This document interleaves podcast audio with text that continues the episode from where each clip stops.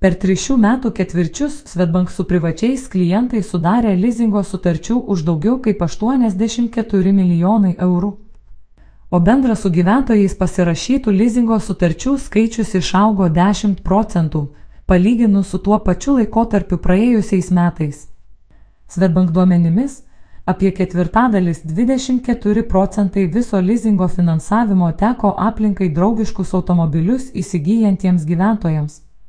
Šiais metais toliau stebime ryškę mažai taršių ir visai netaršių automobilių lizingo augimo tendenciją.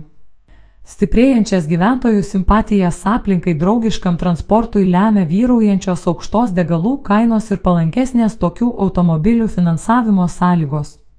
Be to, keičiasi ir vairuotojų požiūris į ekologiškus automobilius, Tai ypač matyti pagrindinėje 25-49 metai amžiaus naujų automobilių pirkėjų grupėje, sako Tomas Pulikas.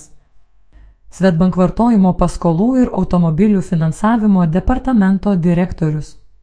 Svetbank duomenys rodo, kad per šių metų sausio, rugsėjo mėnesius aplinkai draugiškų automobilių įsigijimui suteiktas lizingo finansavimas augo 34 procentai. Palyginus su tuo pačiu laikotarpiu 2021 metais bendra per trišių metų ketvirčius gyventojams suteikto lizingo suma aplinkai draugiškiems automobiliams įsigyti siekia 20,5 milijonų eurų. Tarp populiariausių Svetbank lizingo būdų finansuotų aplinkai draugiškų automobilių pirmauja Toyota markės modeliai. Jų per trišių metų ketvirčius buvo įsigyta daugiau kaip 300 VNT. Dažniausiai gyventojai renkasi kompaktinės klasės modelius su hybridinė variklio sistema.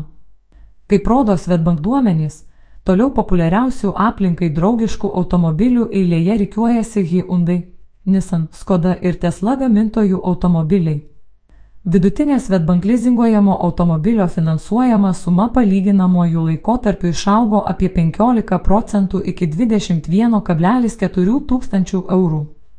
Tuo metu vidutinės aplinkai draugiško automobilio finansuojamos sumos augimas per metus siekė 18 procentų - nuo 20,8 iki 24,5 tūkstančių eurų.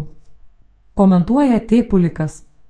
Pasak Svetbank atstovo, vidutinė sutarties sumos padidėjimui įtakos turėjo pastebimai išaugusi naujų automobilių kaina, kuri artimiausiais metais gamintojams susiduriant su tiekimo apribojimais sviruojančiomis žaliavų kainomis ir išliekančia paklausa greičiausiai nebus linkusi mažėti